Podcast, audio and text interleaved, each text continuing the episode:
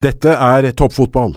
Hvorfor ler dere hver gang jeg prater opp til Obos? Nå må dere ta dere sammen, alle tre. Jeg mener har fått det laget til å overprestert noe så inn i gamperæva. Spill 23 minutter. 4-0. Faen. Det gjelder jo ikke bare tipping, altså folk flest er jo idioter.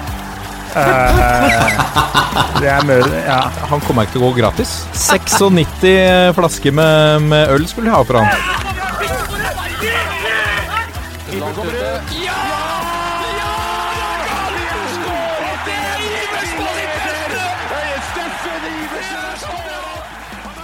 Og der er uh, toppfotball tilbake igjen. Og uh, la meg starte med uh, på en litt annen måte enn vi pleier å gjøre.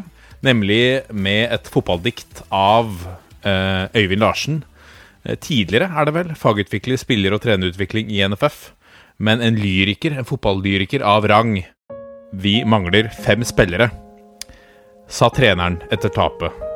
Vi snakker altfor mye om tenker altfor mye rundt, altfor ofte på, hva vi ikke har, enn på hva vi har.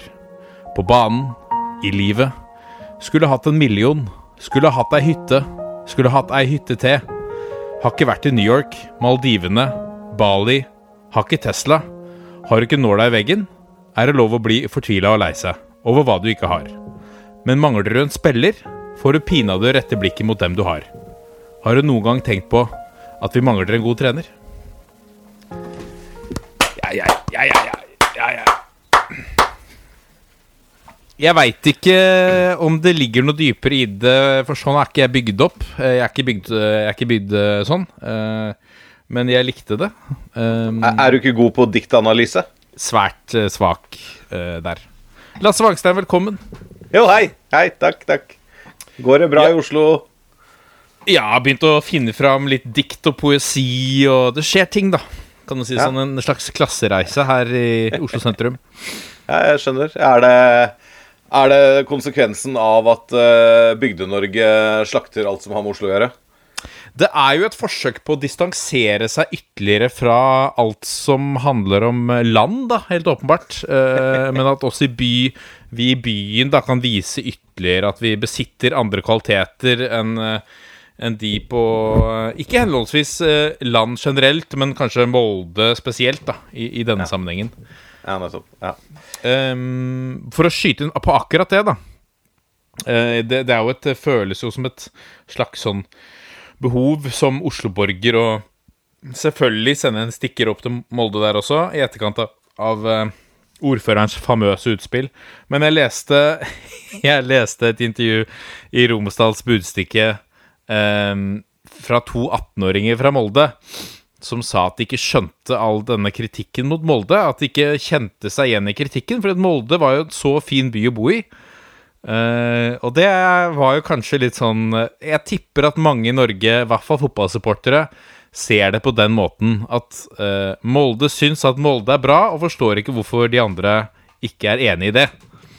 Um, det, var litt, uh, det var litt søtt. Så de driver en slags sånn indoktrinering der på Molde videregående skole. Det er vakkert.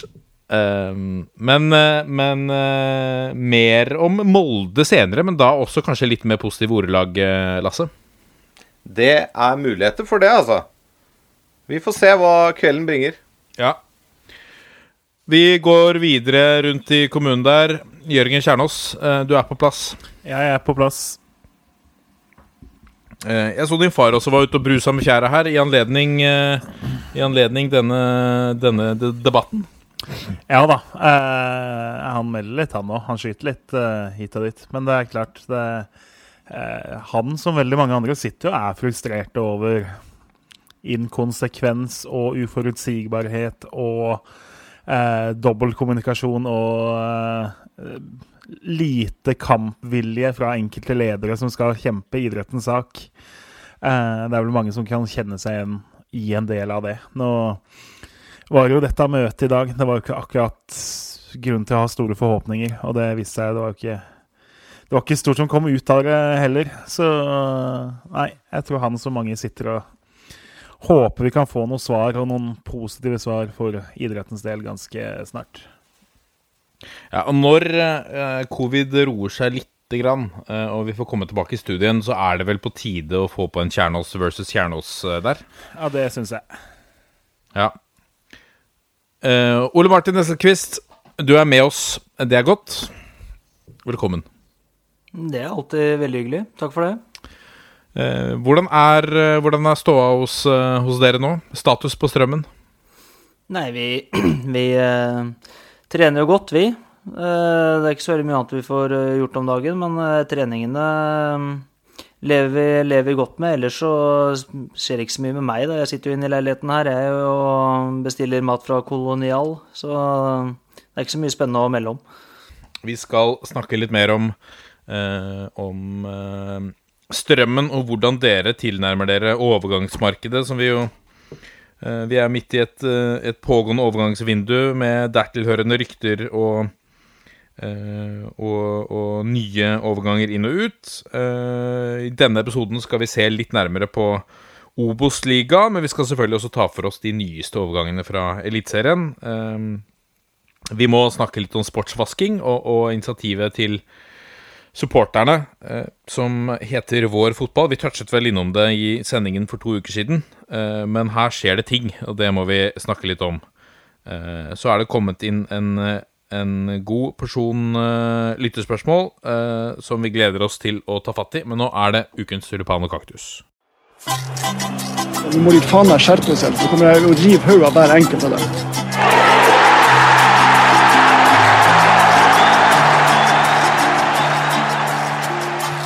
Og da er det klart for ukens tulipan og kaktus ved spaltens president Lasse Magstad.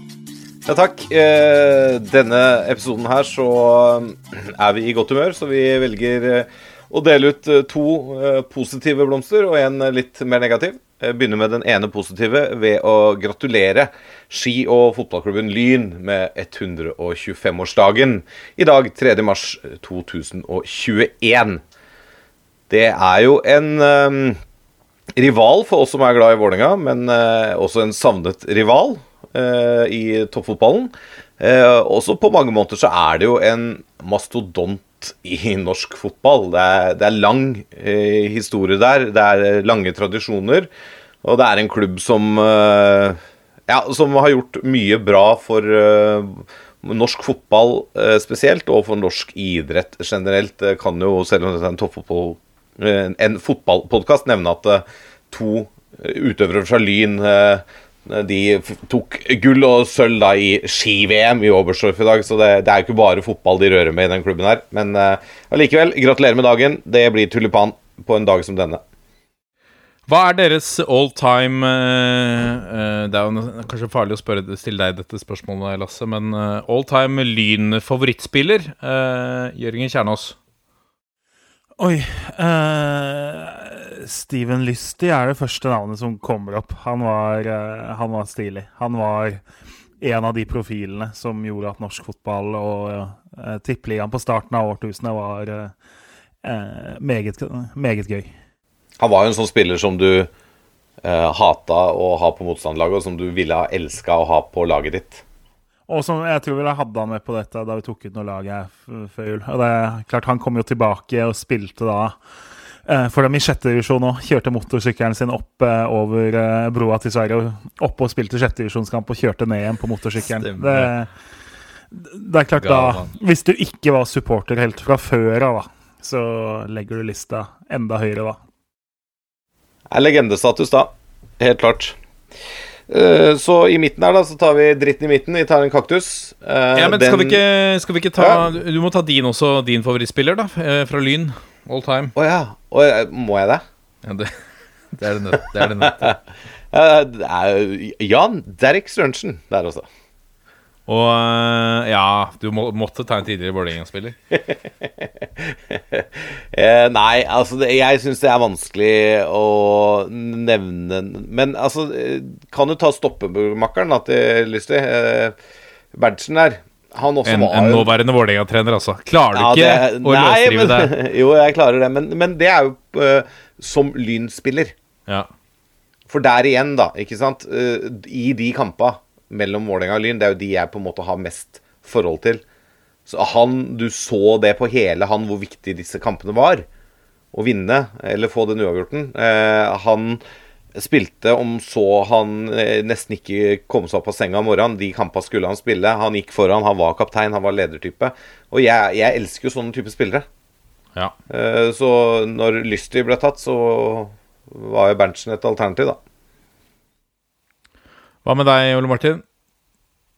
Er det noen tidligere Mosse-spillere eh, Moss, Moss, Kombinert Moss- og Lyn-legender?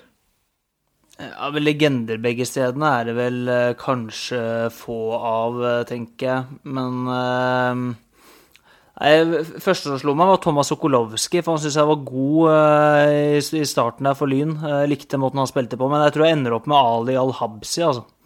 Som var, eh, var en eh, klasse, klassekeeper og gikk ut etterpå og sto noen år for Bolten der og hadde en bra karriere. Så jeg tror jeg går for eh, Ali som min favoritt-Lyn-spiller. Han var stor, altså. Han var profil. Ga helt galskap på, på strek, mener jeg husker. Sinnssyke reflekser, eller er det Husker jeg riktig, da? Han, for, for min del så spilte jo han på en tid hvor, eh, hvor egentlig jeg bare husker at han var, det var en kul keeper. Jeg, jeg greier ikke å si sånn veldig Ja. klokkeklart hva han var veldig god på, og sånn også. men jeg husker det var en kul keeper. Jeg må plukke, jeg kunne valgt mange, selvfølgelig. Um, Karl Andreassen var jo en av de. Um, tidligere Ørn Orten, det også tilfeldigvis. Um, um, uh, ha, Jeg singler i glasshus. men jeg landa altså på på, uh, på legenden Harry Boje Karlsen. Tilfeldigvis uh, født i Horten. Um, spilte Spilte for han fikk 8, Men han fikk 58 landskamper da for, for uh, Norge. Han spilte back. Uh, og jeg tror han Altså har han et seriemesterskap? Ja, han vant serien i, i 53, 54, 55, 56. Det var med Larvik-turen, for, så- for så vidt, så det nevner vi kanskje ikke så mye. Uh, men ja, nei, sterk spiller. Meget sterk spiller. Uh, Hortnes-gutt, da. Um, Du, nevnte, du nevnte det. ja, ja. Videre, videre i sendingen. Uh, kaktus. Ja. Ja, vi prøver oss med kaktusen. Eh, eh, Den må rett og slett denne uka her gå til eh, styret i Rosenborg, eh, representert ved Ivar Koteng, vår alles kjære Ivar. Eh, De har jo nå valgt, da, et eh, samlet styre i Rosenborg, at de ikke støtter denne boikotten av Qatar-VM, som flere norske klubber nå har hevet seg på. Det er til slutt årsmøtet i Rosenborg som skal velge det her, men kaktusen kommer i kraft av uttalelsene til Koteng i dag til Eurosport, som jeg håper er feilsitert. For da sier han Eh, det var litt fram og tilbake, for dette er ikke noen enkel sak. Vi er ikke sikre på at det er rett, men vi tenker at påvirkning er best. Det finnes en grense for hva vi kan tolerere, og så er spørsmålet om det er over grensen eller ikke. Så det vi i hvert fall da kan fastslå, er at for Koteng sin del så er 6500 døde eh, under grensen for hva man kan tolerere. Det må mer til enn som så før vi skal begynne å rasle med sabler. Så det Ganske er uheldig Ganske veldig uheldig utspill. Ja, og så blir han jo utfordra på er det ikke mulig med begge deler å både påvirke og boikotte, og da er det liksom Det er enklest å påvirke folk eh, når du snakker med dem. Da er det så enkelt at når du eh, skal snakke, så kan du ikke være fiende. Altså, det er ikke gitt at du er fiende. Altså, eh, vi pleier jo Mange pleier å si at alt var mye bedre før, og da pleier jeg å fnyse litt, for det er jo ikke nødvendigvis sånn at alt var mye bedre før. Men hvis vi går en del år tilbake i tid, da, så var eh, Norge blant mange land som eh, boikotta et OL i Moskva i 1980 fordi eh, Sovjetunionen hadde mm, invadert Afghanistan. Da var det flere, veldig mange land, som sa ifra at dette er ikke greit, og de stilte ikke opp. Da, I det OL-et så skulle Norge stilt med et fotballag, blant annet. Eh, flere gode spillere på slutten av 70-, begynnelsen av 80-tallet som burde hatt eh, OL i beltet, som ikke fikk det. Eh, det bør være mulig å boikotte et mesterskap eh, når man er uenig i hvordan ting løses, og kanskje hvordan mesterskapet er tildelt, og hvordan ting er blitt håndtert der nede med fremmedarbeidere og deres eh, ve og vel. Og, og den uttalelsen fra Koteng, den er altså så uheldig at det Ja, da blir det kaktus, altså. Men det eh, liksom, her, her tenker jeg at det er greit å skille disse to. For én ting er sånn jeg tenker på det, én ting er kommunikasjonen her. Så, så igjen, altså nok en gang da, så er det Ivar Koting som som er da den Rosenborg har valgt til å være den beste til å kommunisere dette med pressen. Eh, hadde det ikke vært sånn, så hadde jo Ivar Koteng henvist dette til en kommunikasjonssjef eller lignende, slik som andre klubber gjør. Men her har altså Rosenborg valgt at Ivar Koting er den som kommuniserer best for Rosenborg. Eh, eh, dette føyer seg under rekken de to-tre siste årene over liksom Altså virkelig blundere, da. Hvor, hvor måten man kommuniserer, hva man kommuniserer, er med på å liksom lage rabalder. Er med på å lage en større sak, og ofte saker som ikke egentlig er saker. Ja, Skade omdømmet til klubben. Ja, direkte. På, f- Fordi måten man gjør det på. Og, og liksom noen, noen på den brakka må, må, må ta den mikrofonen fra han, og så gi den til noen andre som, som, som tenker seg om før de prater. For dette her eh, Altså, jeg, jeg sa det jo litt eh, spydig og direkte i en, i en chat eh, mellom oss her tidligere. Altså, hadde, Rosenborg skal være veldig glad for at Molde eh, fortsetter å drite seg ut litt sånn omdømmemessig. Fordi at eh, hadde de ikke gjort det, så hadde de fremstått som en Altså virkelig den store, stygge ulven i norsk fotball. Eh, jeg syns jo de konkurrerer tidvis om, å- om å liksom ha et negativt omdømme. Det er litt sånn Du tror på en måte Du tror at de, ok, nå har det snudd litt, men, men de, de, de turer på eh, enda en gang, altså. Ja, men så er, du må også ta med altså Ivar Koteng er styreleder, og hvis styrelederen bestemmer seg for at han vil uttale seg, så gjør han det. Da er det ikke noen kommunikasjonssjef eller kommunikasjonsrådgiver som får stoppa han fra å gjøre det. Jeg tror han er såpass sterk at det, det er sånn det er. Ja. Og om han ikke innser det selv, at det, ting han sier skade omdømmet til klubben han øh, hvis det er så glad i og bryr seg så mye om, så så er det jo det er jo sånn det er, det. Men det, så- det er jo i flere klubber det hvor styrelederne turer litt fram som de vil, eller dagligledere eller andre, andre i ledende roller. Det, sånn tror jeg det alltid vil være i en toppfotballkultur, da. Men uh, jeg er jo helt enig at uh, noen burde kanskje vurdert å nappe fra en mikrofon av og til. Helt idiotisk. Ja. Eh, men med det sagt, det som slår meg, da når jeg ser de klubbene som har stått ut her nå, eller i hvert fall så langt, har stått fram og sagt at vi boikotter eh, Eller vi tar avstand, i hvert fall, fra mesterskapet. Det er Godset, De Viking oppfordrer til boikott, ja. ja oppfordrer til boikott. Ja. Det er- eh, Tromsø var først ut. eh, Rett skal være rett. Uh, tett fulgt av, av Godset, Viking og Odd. Og Brann. Og Brann nå sist, ja. Har meldt seg på, selvfølgelig. Da, da faller jo litt argumentet mitt. Jeg skulle komme med et slående argument, nemlig, og si at disse klubbene som nå har meldt seg på, er kanskje de som ikke kommer til å kvalifisere seg til Europa i neste sesong. Eh, og, og, så da at risikoen er litt lavere. Det er vel kanskje også det Kanskje til og med Brann har sett det at at uh, de tror kanskje ikke at de havner på toppen. Men, men kan dette være en grunn til Altså, jeg aner jo litt at dette er en motivasjon eh, for Rosenborg også, for å avstå fra, fra, fra denne boikotten. Fordi hvilke konsekvenser har Uefa raslende bak speilet for de som taler de imot her? Hva tror du, Jørgen? Jeg tror Altså, jeg tror ikke man frykter det. Jeg tror det er mer litt uh, det Terje Svendsen tenker, som jo er grunnen til at Qatar og andre har fått arrangere, er jo at det angår på en måte ikke dem, da. Det er derfor ingen har tatt eh, til orde for dette før nå, når det er halvannet år igjen til det mesterskapet. Eh, det klart, eller noen har det, men at ikke noen klubber har gjort noe sånt som dette før. Fordi er du styreleder i Rosenborg, så tenker du på Rosenborg. Det er det som er jobben. Uh, og så finnes det jo mennesker som er styreledere som på en måte har et videre perspektiv òg. Men jeg, jeg skjønner jo på en måte at det Terje Svendsen egentlig kanskje sier, er jo at dette er egentlig ikke noe som jeg føler angår meg. Og så kan man si at det liksom er sneversynt og, så ikke, og alt sånt. Men uh, man kan jo skjønne det perspektivet òg. Så syns jeg, da Altså, forstå hvorfor han tenker sånn.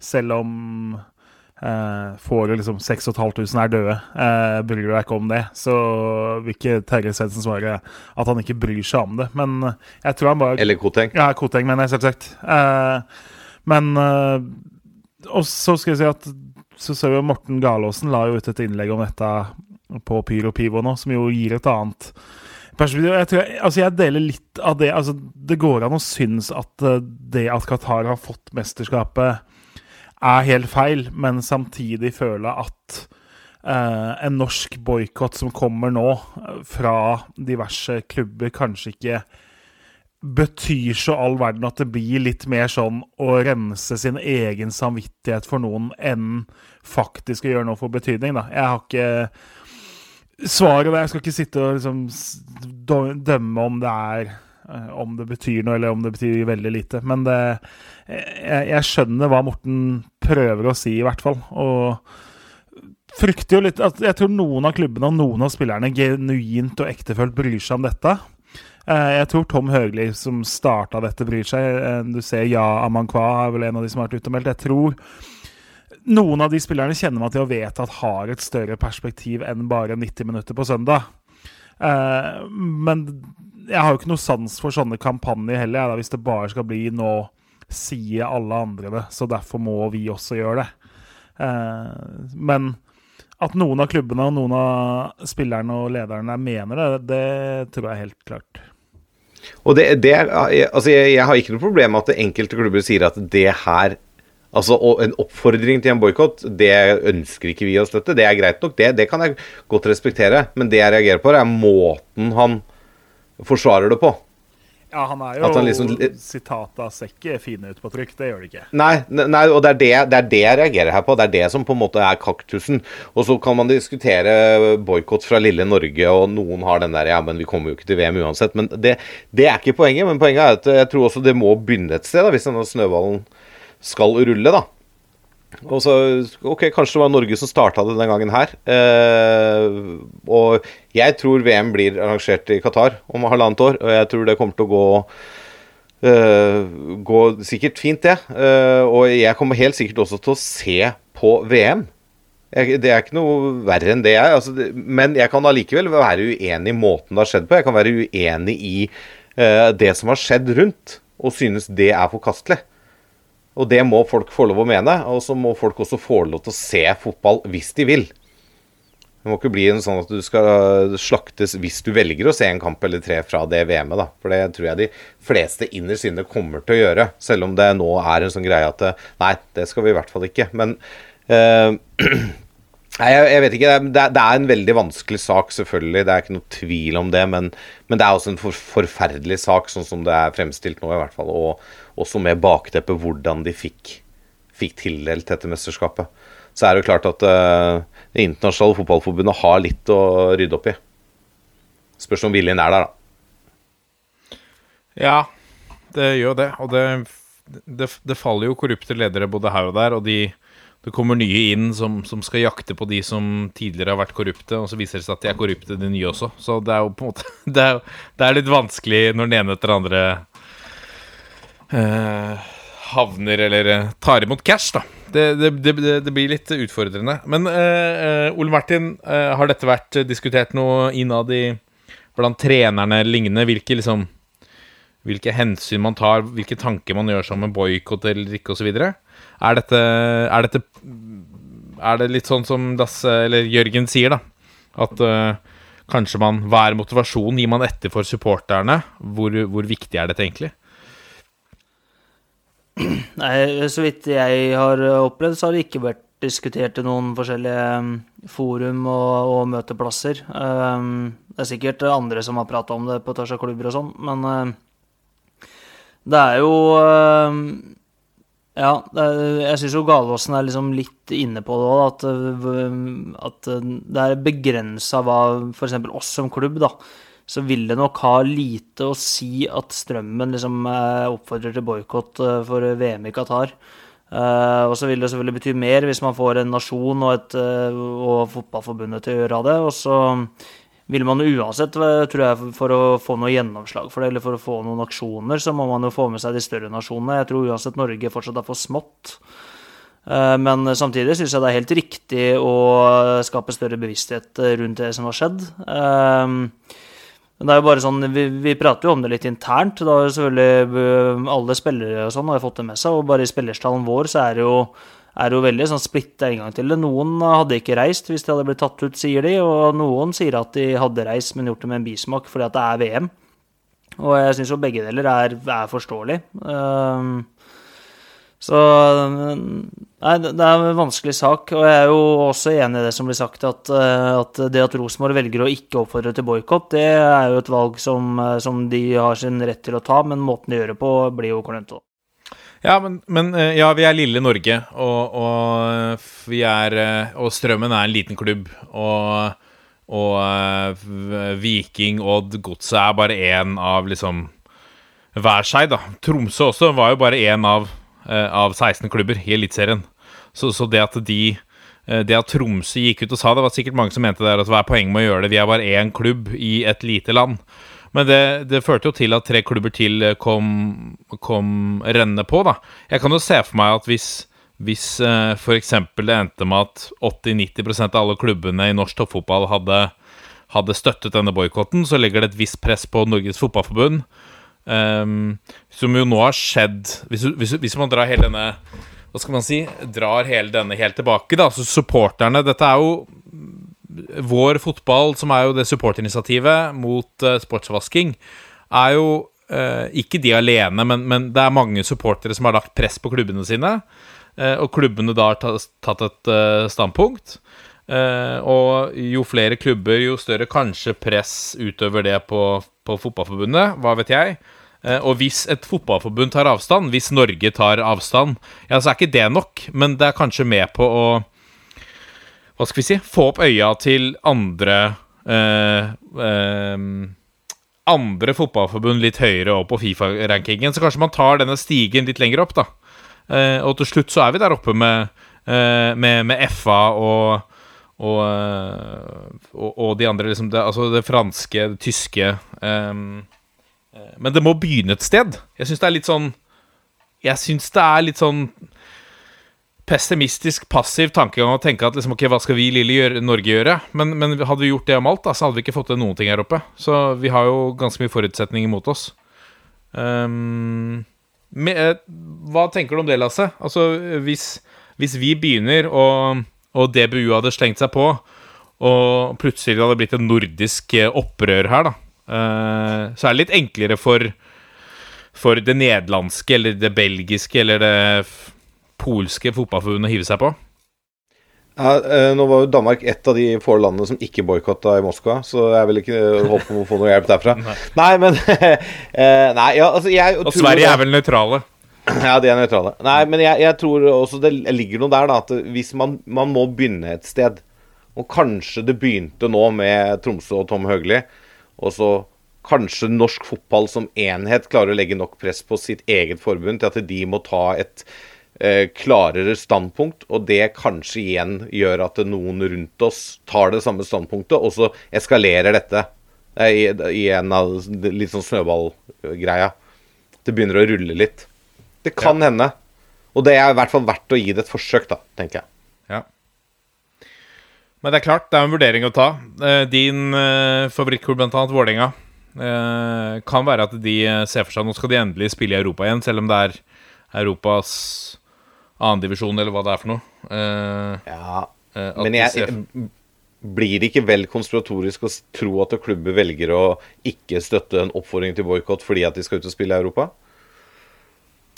Jeg vet ikke, altså. Jeg bare stiller Ja, spørsmål. konspiratorisk var jeg Men, men det, det, det hadde vært interessant å få høre hva de, hva de tenker, da. Uh, Ja. Ja, jeg er spent på hva de klubbene som ikke har tatt noe standpunkt ennå, velger. ja. Jeg tror eh, Jeg, jeg uh, aner ikke, dette er tipping, men jeg kan se for meg at de klubbene som er mest usikre, har spillere i stallen sin som fort er aktuelle til å spille det mesterskapet. Og at man ikke vil sette spillerne sine i en skviss. Eh, For, for eh, hvis eh, Jeg tror hvis Si at NFF velger å lande på det, at okay, vi skal boikotte VM i Qatar. Så kan jo ikke det få noen konsekvenser, for da blir det jo i hvert fall ramaskrik. Altså Fifa og Uefa kan ikke gå inn og, sette konsekvenser for at et land velger å ta avstand fra et mesterskap basert på menneskerettigheter.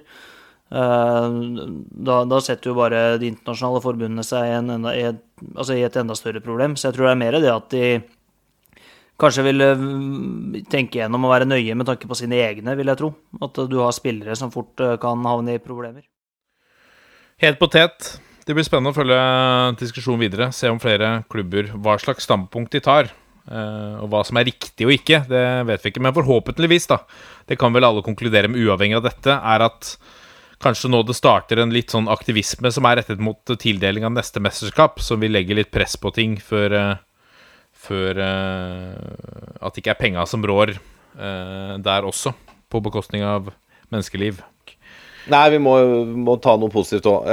og den Kanskje litt overraskende hvis vi ser sånn media generelt denne uka, så går den til Molde. Men det går jo da til Molde fotballklubb eh, for eh, innsatsen i Europaligaen. For de eh, møtte altså Hoffenheim her i dobbeltoppgjør, og i den første kampen så var de en brent straffe unna å ligge under 4-1. Klarer å hente inn den til 3-3, og så går de hen og vinner da returoppgjøret 2-0. Og er altså videre på bekostning av en Bundesliga-klubb. Og det kan si hva man vil om Molde og hva Molde har holdt på med de siste åra, men er, man må ta av seg hatten for den sportslige prestasjonen. De møter et lag i sesong og er ute av sesong selv og mangler Altså mista Leke James, og OI var ute med skade. Og ja, det, i den siste kampen så mangla det vel stoppeparet sitt.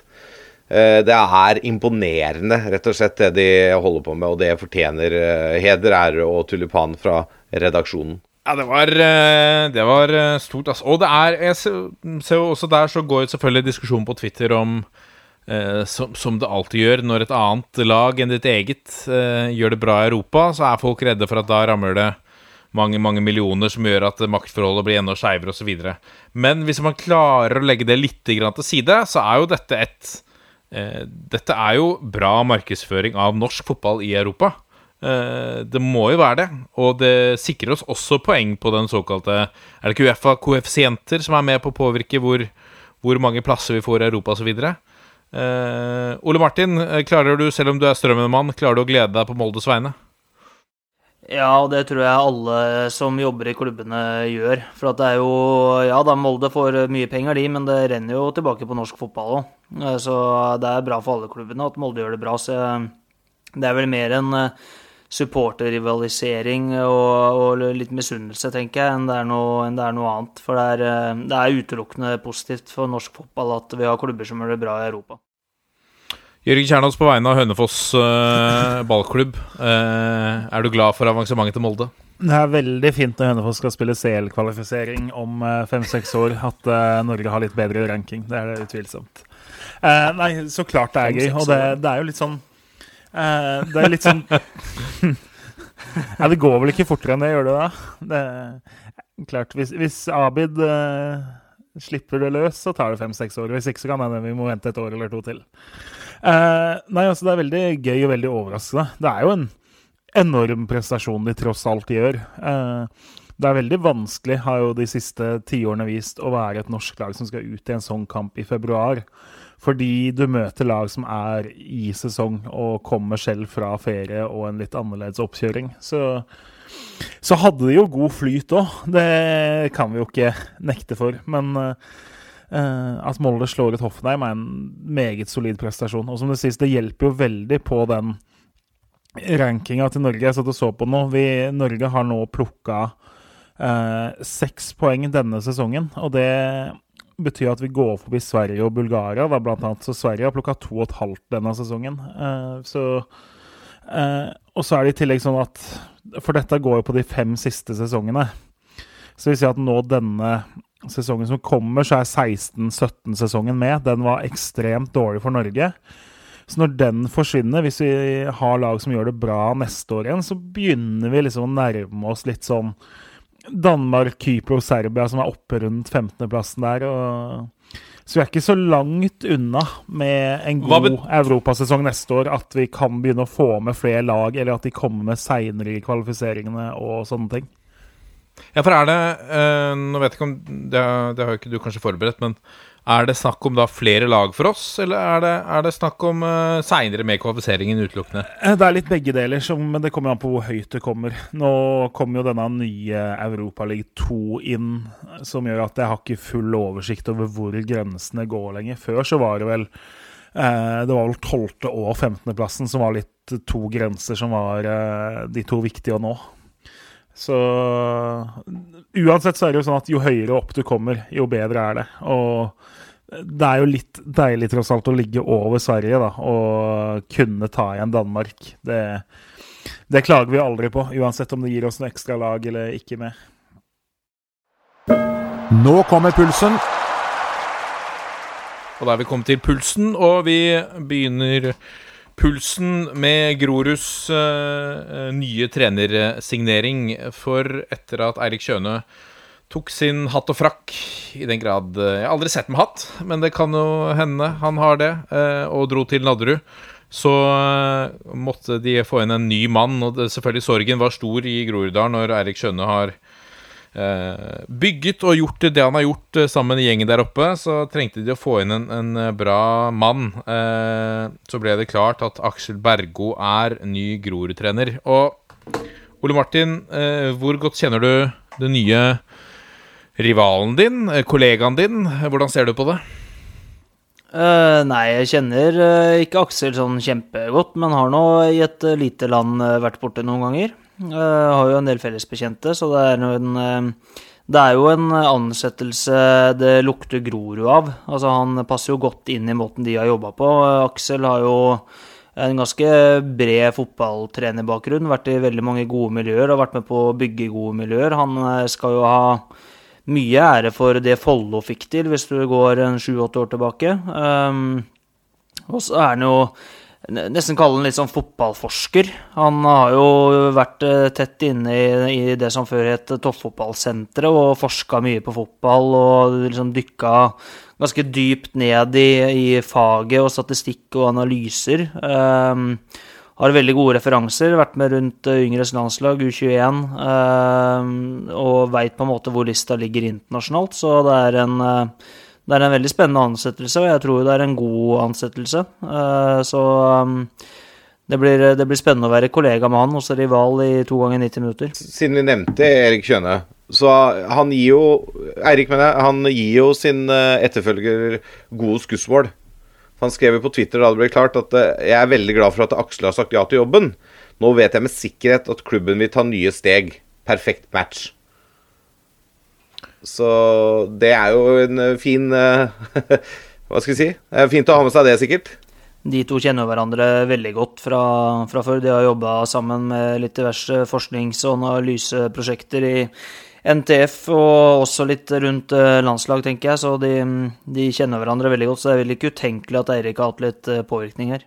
Kanskje det er han som har vært med å sørge for ja, sin egen arvtaker. Det er ikke utenkelig. Men Ole Martin, med tanke på overgangsmarkedet og med tanke på sesongoppkjøring, bygging av nytt lag osv.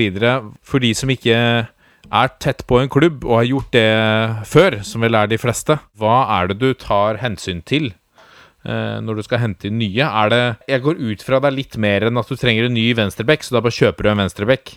Hva ser du etter når du, når du henter nye spillere? Det er jo du, du, har jo hele tiden oversikt over, um, over, hvilke spillere som er på kontrakt, og hvem som ikke er på kontrakt. Og De som da ikke er på kontrakt, må du jo raskt få en avklaring på, og det vil jo gi deg en ganske god indikasjon på hva du må ha inn da, for å dekke opp de posisjonene du, du skal dekke opp. Um, og så har du jo har du da selvfølgelig vurderinga på kvalitet på de som er på kontrakt. Er det noen posisjoner du ønsker å forsterke eller skape større konkurranse rundt? Uh, og så er det jo de fleste klubbene nå opplever jeg har ganske gode både kortsiktige og langsiktige planer på, på spillelogistikk. Um, som gjør at de fleste klubbene har, har um, kall det et strategidokument da, på, på, hvordan de ønsker å jobbe. Det, det har jo vi òg.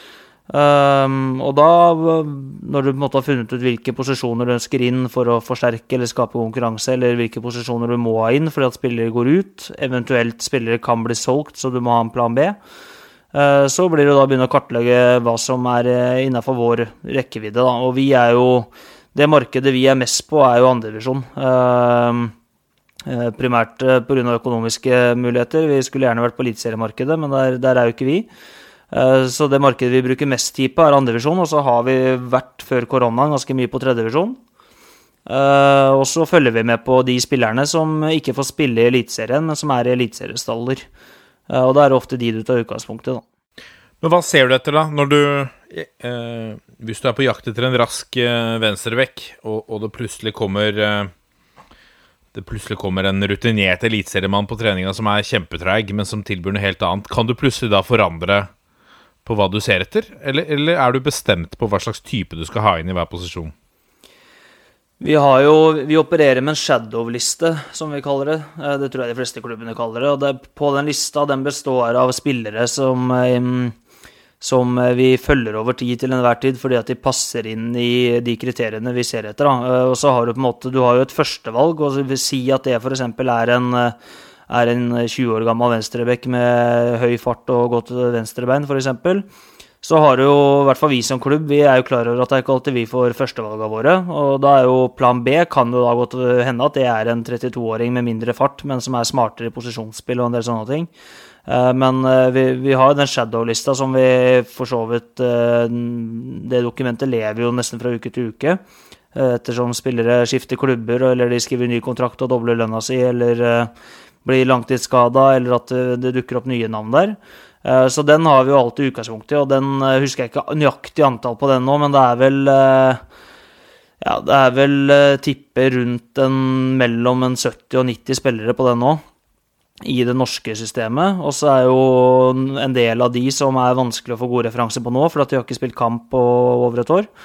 Men, men, det er jo det dokumentet du tar utgangspunkt i. Og så blir jo, hvis ikke du får førstevalget ditt, så er spørsmålet om det da vil medføre en, en, eh, en eh, spillestilsendring. Eh, F.eks. hvis vi jakter en bakgrunnsspiss, det får vi ikke tak i, så vi må ha tak i en møtende spiss, så vil jo det kunne få stor betydning for hvordan vi spiller på, hvordan vi trener. Og da må vi jo, må vi jo tenke og vurdere rundt det. Har du noen gang eh, Jeg regner med at, eh, at, eh, du, som en del andre i fotballmiljøet, får en, en, noen mails innimellom fra unge, lovende utenlandske talenter som, som leter etter en klubb i, i Norden. Eh, har du noen gang henta inn eh, noen sånne på et prøvespill? Uh, nei, det tror jeg ikke. Uh, nei, ikke som jeg kommer på. Jeg må dessverre innrømme at de mailene blir stort sett sletta før, før, det blir åpna. Men eh, ja, jeg tipper jo ligger jo Nå i korona har det vært litt roligere, men vi får jo mellom 15 og 30 sånne om dagen. Ja, det er riktig. Så det er også å anbefale til alle der ute å gå andre veier da, for å, for å begynne å spille i strømmen. Men hvordan er det eh, Dere ser mest matcher selv, og så, har dere shadowliste og og, og en, en, slags ønskeliste på hva dere er på jakt etter. Hvor mye er liksom agenter involvert? Hvor mye snakker dere med andre klubber underveis? Eller jobber dere liksom mest kun for dere selv? Nei, altså vi, vi, vi, jo, vi er veldig opptatt av å bruke kontaktnettet vårt. Eh, for det er jo mm, haugevis av gode fotballspillere som ikke jeg eller de andre i teamet mitt får sett ofte nok. Ehm, det er vel ikke umulig at jeg har spurt Jørgen Kjernås om en referanse en gang på en tredjevisjonsspiller, f.eks., uh, som, som ser litt på. Eh, så, så, det er jo Det er jo ehm, Det er jo, er jo blanda, akkurat det der. Men hvis, hvis, vi skal være interessert i en spiller som vi får tips om eh, gjennom en agent eller en bekjent, eller noe sånt, så, så, så, skal det være fra folk som vi veit har gode sportslige referanser, eh, og som vi stoler på når det gjelder vurderinga på spilleren. Ellers så er jo vi veldig opptatt av at vi ønsker å se spillerne sjøl, og vi ønsker at det er vi som skal være, ha kontrollen på det. Så f.eks. prøvespill veit at det er mange som praktiserer forskjellig, men der er vi sånn at vi, vi kaller ikke inn prøvespillere hvis ikke, hvis ikke, vi føler at vi har sett det veldig mye selv, og føler at de, de har noe å komme med. Uh, og så er det andre klubber som uh, er veldig åpne på prøvespill. Kjører prøvespillsuke f.eks. i januar og har 20 prøvespillere inne. Uh, og det kan også fungere, så det er ikke noe fasit på det. Men for vår del, og spesielt når vi har et så trangt budsjett som det vi har, så er vi helt avhengig av å treffe. Og da mm, er det ganske mange vurderinger som ligger bak. Da. Eh, et eksempel er jo Simen Olafsen, som vi henta fra Levanger nå i vinter. Midtstopper. Han, eh, han, har vi jo holdt på med nå i halvannet år å følge. Eh, og, og da bør du være ganske trygg på hva du får når du henter den. Jørgen, eh, eh, får du mange telefoner fra Etter hvert så har du jo Du markerer deg jo ikke minst i denne podkasten, men også i en rekke andre vurderinger av store talenter i 2. divisjon, 3. divisjon. Får du mange telefoner fra, fra klubber som vil ha tips? Ikke mange. Det er noen jeg snakker med, og så er det noen som spør. Eh, og så svarer jeg som regel på de, de som spør. Det, jeg har jo på en måte ikke noe eh, fot inne det annet enn å holde på å si, se mye. og eh, Så jeg har liksom ikke noe tilknytning til noen klubber eller noe liksom, å tjene på det annet enn å Eh, klart. Er, verden fungerer jo sånn. Hjelper jeg deg, så hjelper du meg, på en måte. Eh, så hvis noen spør meg om hva jeg syns om en spiller, så svarer jeg svært gjerne, jeg. Så lenge det ikke er Hasleløren. Da gidder jeg ikke så Men eh, Nei da. Eh, men sånn er det jo. Man må jo alltid, når man skal hente en spiller, prøve å sjekke med så mange man kan, da. Så, eh, så er det jo forskjellig syn, og så er det jo forskjellig hva folk lurer på, ikke sant. Det, men mye av det har man jo sett selv. Og så sitter jo, tipper jeg jo Ole Martin og mange andre sitter og bruker de analyseverktøyene de har, hvor du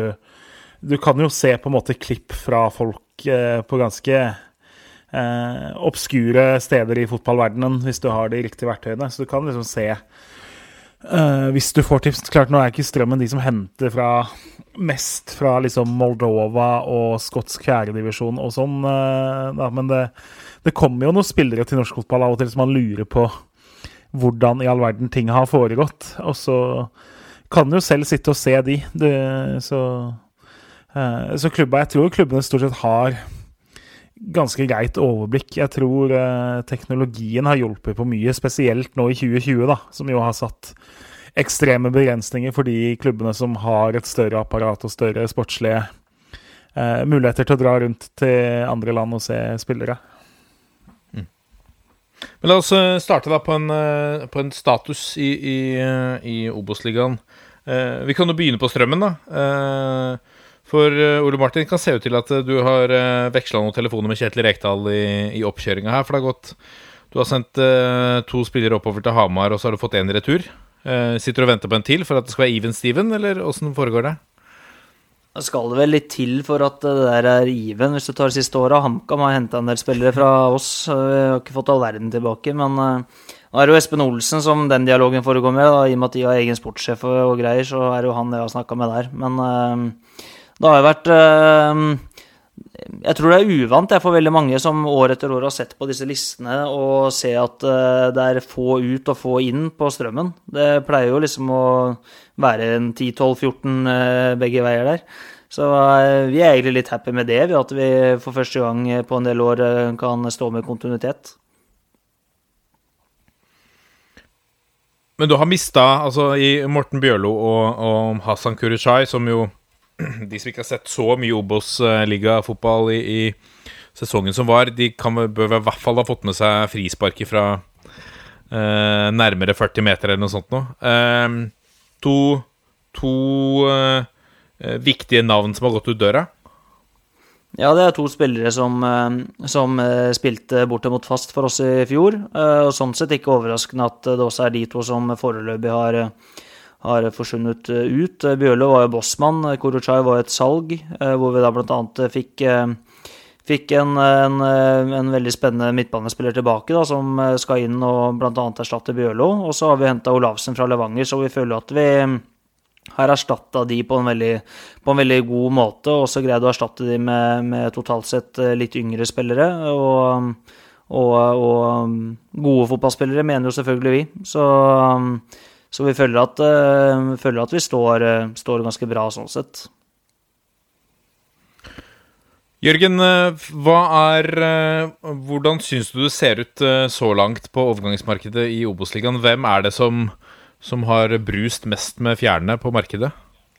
Uh, nei, sånn Generelt først så syns jeg det er litt kjedelig. Uh, litt unormalt kjedelig. Og det henger jo sammen med Hvis du ser på Eliteserien, da, så er det ganske få sånne spektakulære overganger. Det er få kjøp fra utlandet. Det henger jo veldig sammen med usikker økonomi og hvordan verden er nå.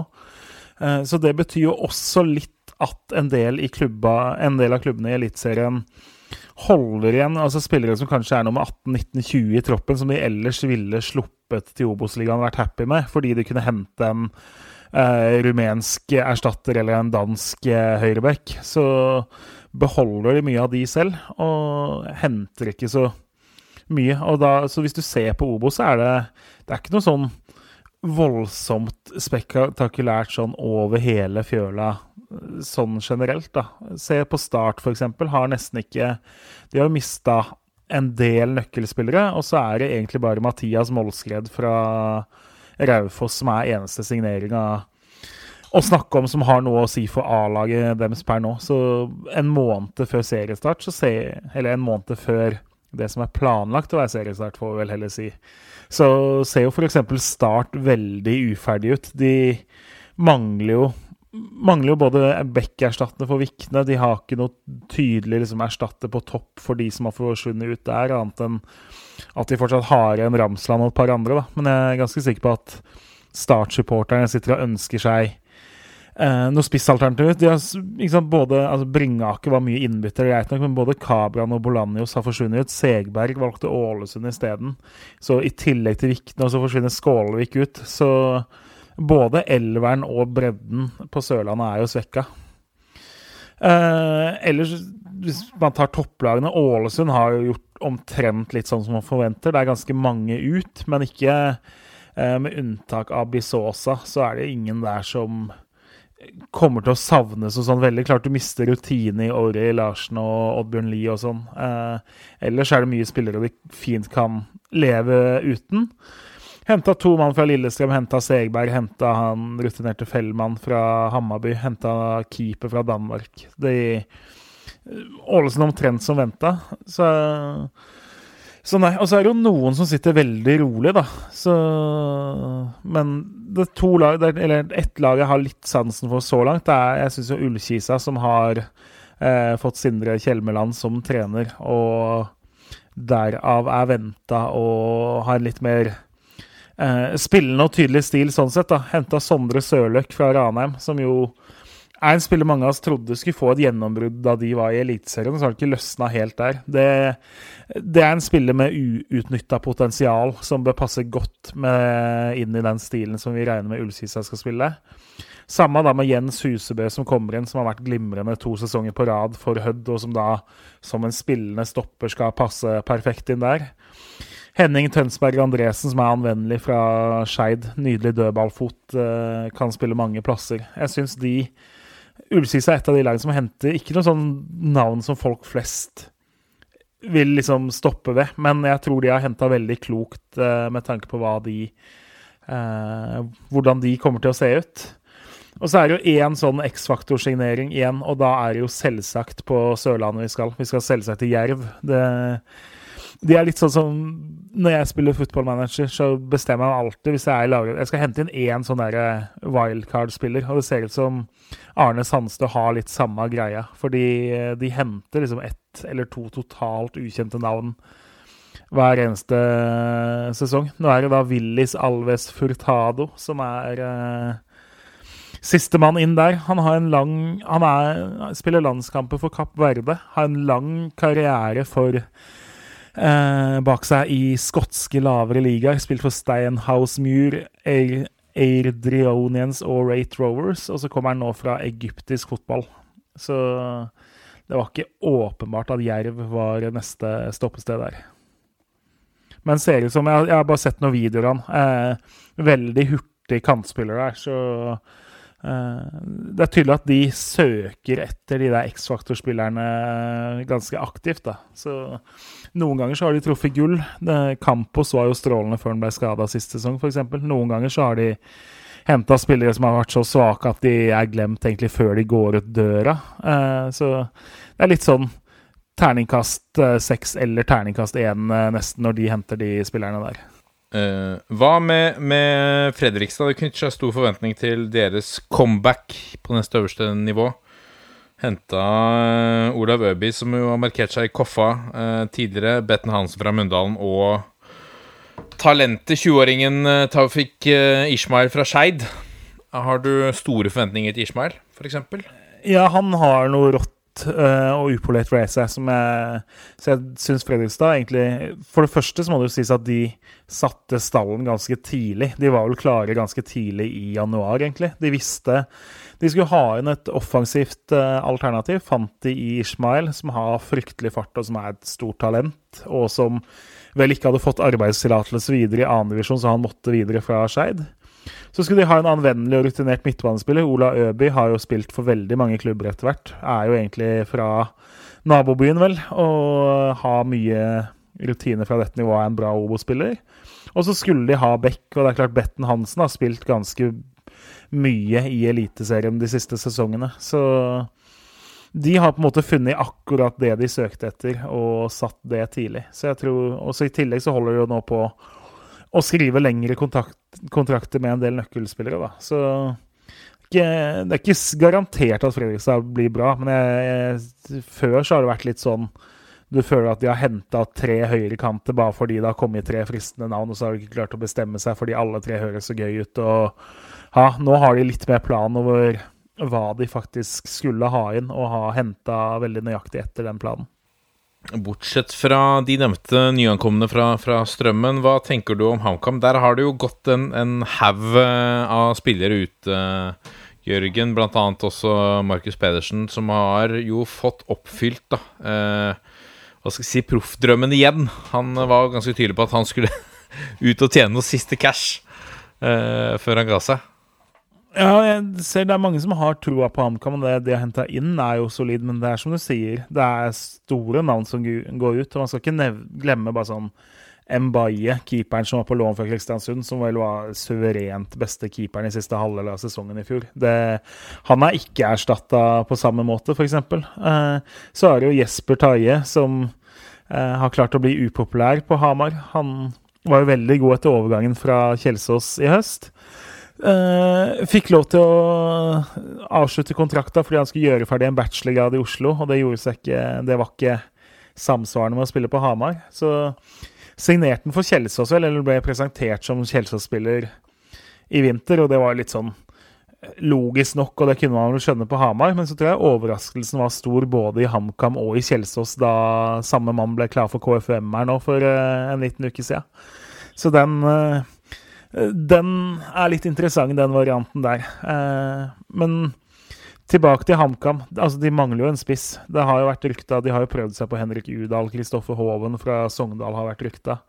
Eh, de har mista både Ebie Moses og Markus Pedersen, da. Så eh, Men ellers, sånn laget bakover, de to-tre to, bakre leddene, ser jo anstendig nok ut. Så Eh, så spørsmålet er jo hvem og hva de lander på, på topp der. Der har de ikke helt løst det. Selv om Jonas Enkerud er en eh, ganske bra Obo-spiller, så er det ikke noe sånn at du kjemper om eh, topp seks med han som et soleklart førstevalg og uten alternativer. Det er det ikke. Hvis vi går eh, litt eh, videre vestover Åsane uh, Var jo nødt til å hente inn Er jo nødt til å hente inn erstatter for, for Henrik Udal. Uh, nå var det jeg leste et eller annet sted Nå har de hentet inn en, en ny servitør til uh, uh, Herrem. Ja, de har henta Herrem som Udal-erstatter, og så kommer Thomas Christoffersen fra Sogndal for å erstatte Kristoffer Walsvik, som jo gikk til Sogndal. Yes. Så synes, også I tillegg henter de jo altså Bjarte Haugsdal er jo en undervurdert god spiller. Kan spille egentlig alle posisjoner utenom keeper der. Uh, Endre Larsen òg, som også kommer fra Øygarden. Syns de har gjort to gode lokale signeringer der også. Så uh, Åsane har nok ikke noen lavere ambisjoner enn det de hadde sist sesong. De, de hadde mange som var interessante for alle, men de viser jo muskler og ambisjoner når de henter inn Herrem og Christoffersen som erstattere, tross alt. da. Og så så jeg i dag at Eh, veldig overraskende, egentlig. Sigurd Kvile, som kom fra Sarpsborg eh, i sommer. At Bodø-Glimt hadde lagt inn bud på han og fått eh, avvist. 21 år, midtstopper, hurtig. Men mest overraskende er jo fordi Bodø-Glimt har såpass god dekning på stoppeplass. Så uten at jeg har lest alle nyhetene fra Bodø i det siste, så må det nesten bety at Brede Mo må være ute med skade lengre enn man har trodd. Han har jo vært veldig mye av og på med skader i det siste. For det Glimt har jo egentlig fire gode stoppere, så når de er på stoppejakt, så må det være et eller annet bak, eller at de tenker veldig langsiktig, eventuelt. Ja, men kan det være at en spiller som Marius Lode kan være på vei utenlands? Nei, det kan det vel nesten ikke nå. Uh, jeg hadde blitt veldig overraska hvis de solgte han og erstatta han med en fyr som har spilt 14 kamper i Obos-ligaen. Det, det, det er jo ikke noe markeder å selge til heller nå, egentlig. Russland er vel stengt, det òg, er det ikke det? Så, så, så nei. Men kan det hende at Bodø-Glimt rigger seg for potensielle salg til sommeren? Vil ha dem inn tidlig, få dem inn i gruppa, inn i spillestil, gi dem noen minutter, og så klare hvis det skjer noe? Ja, men de har jo på en måte De har jo Isak Amundsen, som jo er et kjempetalent der òg. Så jeg klarer ikke helt å skjønne at de skal hente en fyr som er bitte litt eldre, og eventuelt skal gå foran i køen der. Men det, er det noe Åsmund Bjørkan og Bodø-Glimt har vist de siste årene, så er det jo at de har jo en ganske klar plan bak de driver, det de driver med. Så jeg tror ikke bare de har slengt av gårde en eh, faks til Eller du sender jo ikke en, de, har ikke sendt en mail til Åsane og lagt ned et bud der bare fordi de har kjeda seg på jobb. Så kjedelig er det ikke nede i Spania, selv i disse tider, vil jeg tro. Så eh, Men nøyaktig hva planen bak var, det er ikke helt åpenbart akkurat nå, da. Hva med Sandnes Ulf, eh, Steffen Landro co.? Um, nå så jeg han var uh, ute og lukta på Erlend Hustad, uh, blant annet. Men han har allerede hent- henta inn De har henta Erlend Hustad, ja. Uh, I tillegg da til Ståle Stålinjo Sætre fra Ålesund og Mathias Springaker fra Sart. Umiddelbart ser det ut for meg som, som bra signeringer. Ja, og så har de henta Heggem fra, egentlig fra Rosenborg, men har jo spilt for Ranheim de siste årene. Og så Fredrik Pålerud fra Kongsvinger. Og det, det er klart, øh, jeg tror ikke han var så altfor fornøyd med forsvarsrekka si sist sesong. Og da Nå har han jo henta tre nye stoppere, da, egentlig, selv om Pålerud kan spille back òg. så både Pålerud, Heggem og Stolinjo er jo tiltenkt å gå inn rett på laget defensivt der. Eh, så er det åpenbart at Kent og Håvard Eriksen er et savn, men med både Bringaker og Hustein så har de jo en spennende duo der. Det Foreløpig mange mann ut, men det føles ut som Landro har fått forma laget mye mer sånn han vil enn forrige sesong. I fjor så tok han veldig mye over en stall som ikke var hans, og Sandnes eh, måtte nok lide litt under det. Så jeg, jeg syns de har henta bra, og jeg syns de har henta fornuftig ut fra hvordan jeg tror de vil spille, så jeg forventer, forventer definitivt at Sandnes Ulf er mye mer stabile og et bedre fotballag enn det de var eh, sist sesong. Hva med, med gjengen på Toten som uh, prøver å snike til seg litt treningskamper? Uh, Raufoss uh, henta bl.a. Sander Wernie, som du kjenner uh, godt til, regner jeg med, Lasse? Altså, de, hva skal jeg si Raufoss har jo vært litt tydelig på at de skal satse seg oppover nå. Eh, og så er det jo Det er jo noen spennende navn her. Altså Sånn som Andreas Helmersen. eh, er jo en spiller man på en måte har litt forventninger til i Obos-ligaen. Hvis han får uh, fart på ting. Uh, Sander Wernie er er jo en bra spiller som jeg tror vil ta dette nivået ganske greit uh, i Raufoss hvis han uh, får muligheten. Og, det blir spennende å se hva de får til der oppe. Men det er jo klart det har skjedd mye der òg. Det er veldig mange spillere ute òg, da. Det rydder jo så godt. De hadde jo mange kontrakter som gikk ut og ble jo litt sånn bundet av, på hender og føtter av det. Du har jo ikke så mye å si når da det kommer større klubber eh, og legger et bedre tilbud til spillerne dine på bordet. Eh, så de har jo fortsatt mye uferdig, men jeg syns også altså Herman Kleppa og Sivert Westerlund Hvis jeg skulle hente en høyrebekk og en venstrebekk fra annendivisjon sist sesong, så hadde jeg henta nettopp de to spillerne hvis jeg var eh, trener for f.eks. Raufoss. Så eh, Kleppa var en åpenbaring der å ha en dødballfot som gjør at han hadde funnet Obos-liga Fantasy, så hadde Herman Kleppa vært på mitt lag. For han kommer til å bidra med mye assist både fra faste situasjoner og med, fra kanten sin. Så Er, er, er dette noe du ønsker, eh, Jørgen? Eh, Obos-liga Fantasy? Skal vi be, be vår venn Jonas komme på jobb? Obos-liga Fantasy et toppfotballprodukt? Ja, det høres ut som noe vi kunne uh, Må hente inn uh, en toppfotballvenn Jonas Berg Johnsen. jeg, jeg tror markedet er relativt Jeg tror det er litt for magert. Men uh, det hadde jo ikke Jeg hadde ikke klaga. Det hadde jeg ikke. Du hadde vunnet. jeg, jeg hadde blitt skuffa hvis jeg gjorde det ekstremt svakt, i hvert fall. Det må jeg si. Men så har de jo henta disse to De har jo en litt sånn De har jo henta mye dansker opp igjennom. Eh, helt ukjent for meg, begge de to. Men eh, dansker fra Færøyene Det blir spennende å se hva, hva de har å bringe til bords. De traff jo veldig godt med Maigård, så de kan jo drømme om å treffe like godt igjen, i hvert fall.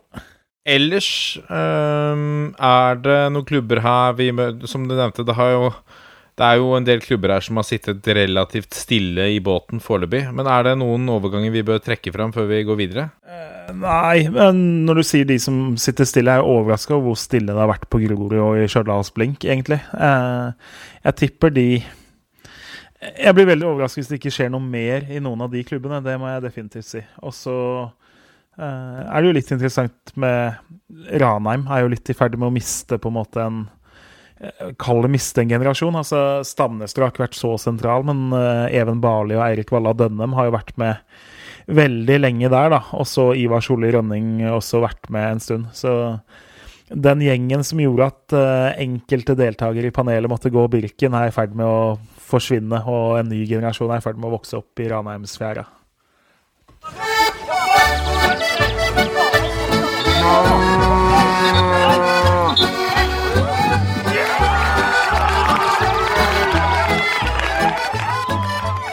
Og da er vi kommet til Breddenytt ved spaltens president Jørgen Kjernås.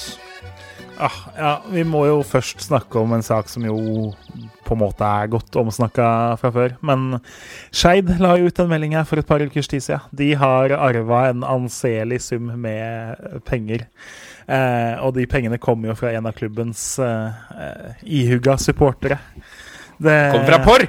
Yes, rett og slett. Det har jo fått litt eh, oppmerksomhet, som man kan regne med. Eh, og det har jo blitt litt diskusjoner bak dette. Leif Hagen tjente jo sine penger på eh, vis som ikke eh, nødvendigvis alle er så begeistra for.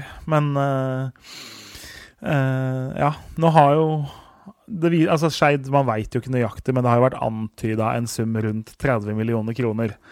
Jeg tenker du skal være særdeles godt opp på den moralske siden din for å ikke ta imot de pengene. Det, jeg kan ikke se for meg at noen norsk klubb ikke hadde tatt imot det når en supporter eh, ender sine dager og be, sier at klubben skal arve så mye. Så eh, det er jo en litt morsom sak, en kuriøs sak, men eh, altså må jo Skeid Jeg er jo ikke kjempeglad i å gi Skeid ros, men når de sier at eh, de på en måte vurderer å lage et lite oljefond ut av det, sånn at det skal komme mange generasjoner til gode, så er det helt riktig. Det, det sitter jo sikkert noen fotballedere rundt om i Norge som hvis jeg hadde fått 30 millioner mellom hendene, så hadde noen av de millionene forsvunnet ut i spillelønninger og overgangssummer ganske fort. da.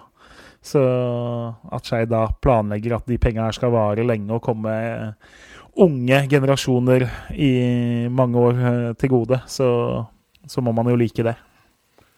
Så her i de kommende årene så kan man altså da søke om å få ut penger fra dette pornofondet som eh, lages eh, fra seg. Det blir jo det. Det er jo et pornofond. Ja, skal man da kalle Altså Hvis det da kommer en spiller da, Lars, ja, Larsen da, ikke sant, som blir veldig god og blir solgt til utlandet, så er det liksom Porno-Larsen fra Skeid? Finansiert av pornofondet. Finansiert av porr. Nei, men altså, Jeg er jo helt enig med Jørgen at eh, hvis de velger å velge den varianten, enn å bare gå all in på å eh, kortvarig lykke da, for å prøve å komme seg oppover, så er jo det det, er, det, det, varmer jo et fotballhjerte å høre at man har tenkt å forvalte pengene på en fornuftig måte. Høres ut som en skikkelig, hvor, hvor bra, skikkelig bra måte å gjøre det på. Ja. Og så er det jo sånn at uh, det er, det er, selvfølgelig Man kan jo le litt av det fordi at det der kommer fra der det kommer fra. Og da han slo seg opp, så var det jo ulovlig i Norge. Han var vel litt på kant med loven, denne pornokongen, men eh, det, er, det, får jo være greit at penga kommer derfra. Så får vi håpe at vi ikke sitter her om noen år og diskuterer at en klubb har uh, arva masse millioner fra en eller annen narkokonge. det er vel ikke utenkelig, det, Lasse Gangstad? Nei, det hadde vi vært i Colombia, så hadde vel eh, Det er vel noen klubber der som eh, levde godt på, på han eh, Han godesten. Escobar, ja. Pablo. ja, det er jo mye historie bak der. Det var jo eh, lag som vant seriegull der for det. Og det var ikke bare pengene. Det var jo litt Du turte ikke nødvendigvis å vinne gull foran dem, for da burde du kikke deg litt ekstra godt over skulderen i ganske mange år framover. Så Men før du går videre, Jørgen. Jeg, jeg stilte jo Ole Martin til veggs her om, om eh, eh, Qatar-millioner. Om man fikk en sjeik etter seg som ville gi de 50 millioner kroner. Hva han ville sagt da. Eh, Er det, noe, er det noen penger eh, du ville takka nei til? Fra en Er det en bransje som liksom eh, er eh, Der går grensa for strømmen? Nei, vi hadde vel uh, fort takka nei til penger fra en narkobaron eller en som har tjent pengene sine på menneskesalg og sånn. Det tipper jeg vi hadde takka nei til ganske fort, ja. Eh, men eh, pornopenger, det hadde vi tatt imot. Det er ikke noe å lure på. Det er jo Hvis du tjener pengene dine på kultur, så er det fair, det.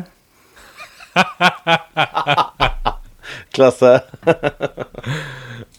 Riktig. Jeg tror vi bare går videre på den, Jørgen. Åh, ja, Denne saken gleder jeg meg litt til. For nå jeg tenkte vi skal kjøre det som en gjettekonkurranse. da. Eh, dere skal få ett forsøk hver på å gjette. Fordi casen er Orkla fotballklubb, tredjedivisjon, Nils Arne Eggens gamle klubb. Har spilt i hvite drakter i, siden de ble slått sammen. Denne sesongen skal de spille i blå drakter. Eh, så det er ett poeng til den som klarer å komme nærmest med sitt tips til hvorfor. Eh, ja, Vi kan starte til venstre hos meg. Ole Martin får første sjanse. Du er til venstre på min skjerm. Jeg hadde håpet på litt betenkningstid, men ok. Eh, nei, umiddelbart da, da tipper jeg det er eh, fordi at eh, de vil ikke lenger assosieres med Rosenborg, av en eller annen grunn. Den er grei. Martin? Fordi det er havets farge. Lasse? De har rett og slett vaska feil. Så de har kasta hvitt tøy i vaskemaskinen med noe blått, og så har de fått blå drakt. Jeg, jeg, jeg, må si at altså, ingen av dere traff innertier, men Lasse er nødt til å få poenget. Fordi års årsaken er at eh, de har på sin bane, Orkla Sparebank Stadion Der har de fått et veldig miljøvennlig fyll. De har gått vekk fra disse gummigranulatene. De har heller fylt den opp med kork og kokos. Eh, som skal være veldig miljøvennlig og veldig fint. Eh, når juniorlaget har spilt med hvite drakter i høst, så har det vist seg særdeles vanskelig å få av draktene dette skitet som kommer på fra kork og kokos. Eh, hvite drakter har vist seg nesten uvaskelige etter 90 minutter på den banen. Så derfor har de gått, en, gått over til en draktfarge hvor da eh, det ikke synes så godt. Eh, blått er det jo litt lettere å skjule at det er stripete og skittent enn det de lysehvite draktene er. Så de har rett og slett bytta pga. kork- og kokosunderlaget på eh, banen. Der har du, eh, der har du tittelen på denne episoden. ass. Det er porr, kork og kokos. Du er nødt til å gå inn og høre på, høre på hva det er for noe. Ja, Ja, den, jeg, måtte, jeg måtte sjekke at dette liksom faktisk er for det høres så fjas ut. Altså kork og kokos. Og det, liksom, det hadde vært spillere som hadde klaga fordi dette kokoset Der kommer det sånne tro... Altså kokosnøtter er jo ganske trevlete saker, på en måte. Så at det var visstnok vanskelig å få liksom, Hvis du hadde fått litt av de greiene i sokkene, så hadde liksom sokkene omtrent vært ubrukelige i neste match òg. Så skal vi si ja, tommel opp for å prøve å lage miljøvennlig underlag, men det virker ikke som kokos er løsninga på granulatproblemet helt ennå. Dette er toppfotball. Og da er vi kommet til lyttespørsmål, og vi begynner med et spørsmål fra André Øyvåg. Han vil at vi skal diskutere om seriestarten blir utsatt eller ikke. Ehm, det er jo Skulle vi bestemt, så vet vi hva svaret ville blitt. Men, eh, men hva er tankene dine rundt det? Ole Martin, du, du sitter jo tett på. Hva er de siste liksom, følingene rundt seriestarten? Eh, hvis vi får lov til å spille treningskamper fra 15. mars, så går seriestarten som avtalt. Hvis eh, vi ikke får lov til å begynne 15. mars, så blir det utsatt. Jeg, tror, jeg må jo si, jeg er jo spent på Jeg tror det Eller det Ole Martin sier, er nok helt riktig. Men jeg er spent fordi en av de tingene som kom fram på pressekonferansen i dag, var vel at denne toppfotballgjengen er, Nei, toppidrettsgjengen er vel redusert fra rundt 11 000 til 4000 utøvere, mener jeg det ble sagt i en bisetning. Eh, og da er jeg veldig spent på hvem det er. Det lukter jo veldig lang vei at i hvert fall annendivisjon og kanskje førstedivisjon kvinner er blant den gjengen som ikke lenger er regna som toppfotball. da. Jeg blir jo overraska hvis ikke Obos-ligaen er regna som toppfotball ennå, men uh, uh, det er ikke helt lett å si. For det Jeg har ikke, jeg har ikke hatt nok tid til liksom lete opp og se, men, se på det i dag. Men uh, det, det blei nevnt noe om det, så uh, Og jeg tror jo annendivisjon da Som sagt, jeg tror de lever farlig i så fall, og fort kan måtte finne, befinne seg i samme gjeng som tredjedivisjon, f.eks., som kommer i eventuelt neste fase. Ja. Vi går videre til uh, spørsmål fra Benjamin Sears, uh, Sars Sears, uh, som lurer på hvilken trener tror dere får sparken. Jeg vet det er tidlig. Får sparken først. Jeg vet det er tidlig, men likevel. Lasse, hvordan vil du angripe dette spørsmålet? Nei, det, må jo angripes litt på forventninger til kanskje klubb. Eh, ikke nødvendigvis hvilke forventninger som er til årets sesong, men hvilke forventninger man har til en gitt klubbs eh, prestasjoner, da, kanskje. Eh, og eventuelt da, hvis noen har kanskje ligget litt tynt an i fjor. Men samtidig så er det Jeg syns jo trenden er at det sparkes jo ikke trenere lenger over eh, lave sko. Eh, så Nei Sitter Henrik Pedersen i godset litt eh, tynt i da, hvis de får en dårlig start på sesongen? Uh, kan det være en mann som ryker tidlig? Eh, er det noen andre der ute som kan røre det godt til for seg sjøl, sånn at det ikke blir Jeg er vanskelig å si. Jeg, jeg, hvis jeg må si et navn, så sier jeg han. For jeg, akkurat per nå så ser jeg ikke helt hvordan godset skal klare å komme veldig høyt opp på tabellen. da jeg har inntrykk av at Henrik Pedersen sitter uh, svært støtt i godset. Hva ja jeg, ja, jeg, tror jo det, jeg òg, men ikke sant. Måtte fram et navn. Da. Ja, ja, ja. Nei, absolutt. Jørgen? Ja, nei, Det er ikke noen sånn veldig åpenbare kandidater. Men det er klart, det er jo et eller annet i Mjøndalen med Vegard Hansen. Og som, nå skal de prøve en helt ny retning og ha veldig unge spillere istedenfor å erstatte eh, de mer rutinerte i stallen. Og, han sa jo i et Eurosport-intervju her at de har må prøve å bli en selgende klubb og ta konsekvensen av det. Det kan jo gå utover det sportslige. Så, men han har jo sittet der i en ekstremt lang periode nå, så det er liksom ikke veldig åpenbart heller. Og Mjøndalen er jo på en måte beredt til å være der nede. Så øh, Men så er det jo litt sånn Altså, Brann blir jo ofte styr hvis de gjør det dårlig. Det er ikke så lenge Kåre Ingebrigtsen har sittet, men hvis Brann skulle ende opp veldig langt ned på tabellen ganske tidlig, så kommer det jo til å koke der igjen. Eh, det koker jo mye mer i Bergen hvis Brann ligger på 13.-plass etter åtte runder, enn hvis Kristiansund ligger på samme plass etter åtte runder. Så eh, det er noe med det.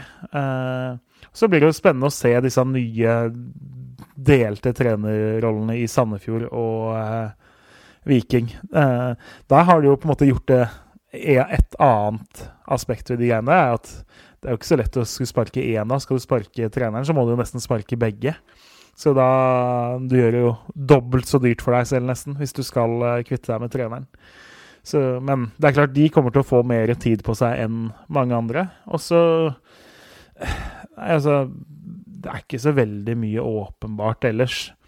Når godeste Kjøne gikk til Stabæk, da, så uh, tolker vi det litt som et tegn på at Jønsson har ikke tenkt å bli på Nadderud i veldig veldig mange år til. At uh, man kanskje har henta erstatteren allerede. Så uh, Jønsson har vel blitt 60-61 år nå. Så hvis de skulle starte veldig dårlig, eller han skulle bli, gå veldig lei, så kanskje man kommer til en enighet der òg. Men det er klart, det er særdeles vanskelig å spå nå, det er det. Spørsmål fra Sindre Taule Sandstå. Han lurer på hva tenker dere om Lise Klavenes som ny sportssjef i Brann? Da går det et rykte om at hun står på lista til Brann uh, over uh, erstattere for Rune Soltvedt som, som gir seg. Um, jeg må si det, det håper jeg virkelig ikke uh, Virkelig ikke skjer. Er det noen som som, som, jeg opplever i hvert fall har vært med på å løfte omdømmet til NFF gjennom koronakrisen, men også i forkant av dette, eh, så er det Lise Klavenes. Jeg syns det har vært synd for eh, Synd for norsk fotball, egentlig, om hun gikk til Brann. Men kan det være sånn da at en, en, en klubbjobb på denne måten er, er liksom, kan være et neste steg, selv om du kommer fra Fotballforbundet? Lasse? Jeg, jeg er jo enig i betraktningene dine, men samtidig så syns jeg det hadde vært jævlig kult med en kvinnelig sportssjef i en eliteserieklubb. Ja. Eh, Så det, det, er jo liksom litt sånn uh, tvega sverd, det der, da. Uh, jeg, jeg, jeg, vet jo ikke hva hun uh, innehar av kapasitet i en sånn rolle, men jeg tror hun hadde Sånn som jeg kjenner henne gjennom media og hvordan hun opptrer, så tror jeg hun hadde takla en sånn rolle ganske greit. Så jeg tror det hadde vært kjempekult, og jeg tror det hadde vært bra også. Og det hadde vært, vært litt sånn tidsriktig å, å, få det til. Og ikke minst, altså Brann burde jo fått en liten kaktus, de òg, for den derre videointervjuet med Forhen nede på keepertrenerrommet der, hvor det hang en T-skjorte med kvinnefotball, ikke er det kvinner og ikke er det fotball, liksom. Uh, der hadde det passa at det kanskje var Brann som henta en kvinnelig sportssjef. At de la den saken dø. Absolutt. Uh, Ole Martin, du uh, hva, hva, hva, tenker du for det første om Lise Klavenes? Hva er inntrykket ditt av, av henne? Jeg regner med du har jobbet litt med henne. Uh, og for det andre, det, det steget da fra, fra NFF til Bergens Stolthet, potensielt? Nå har jo ikke jeg jobba direkte med henne, men det er klart pga. korona så har man jo vært på i videomøter som hun har leda nesten ukentlig et år snart. Og jeg, det er ikke noe tvil om at det hadde vært synd for NFF og norsk fotball. Uh, og, uh, og, veldig, veldig bra for Brann, for hun er flink. så Nå veit ikke jeg åssen oversikt hun har på spillemarkedet og sånn, imot en sportssjefstilling. Det, det, det, aner jeg ikke noe om. men men uh, hun er jo um, Hun er en, fremstår som en veldig god leder, veldig organisert, uh, flink til å kommunisere, veldig ryddig utad. Så, så jeg håper jo at hun uh, blir i NFF, for det, det tjener alle klubbene på. Um, men det er jo Jeg har sett at det har blitt nevnt litt navn i sammenheng med den jobben i Brann. Jeg syns det er rart ikke Raymond Kvisik har kommet opp. Ja, det hadde blitt show.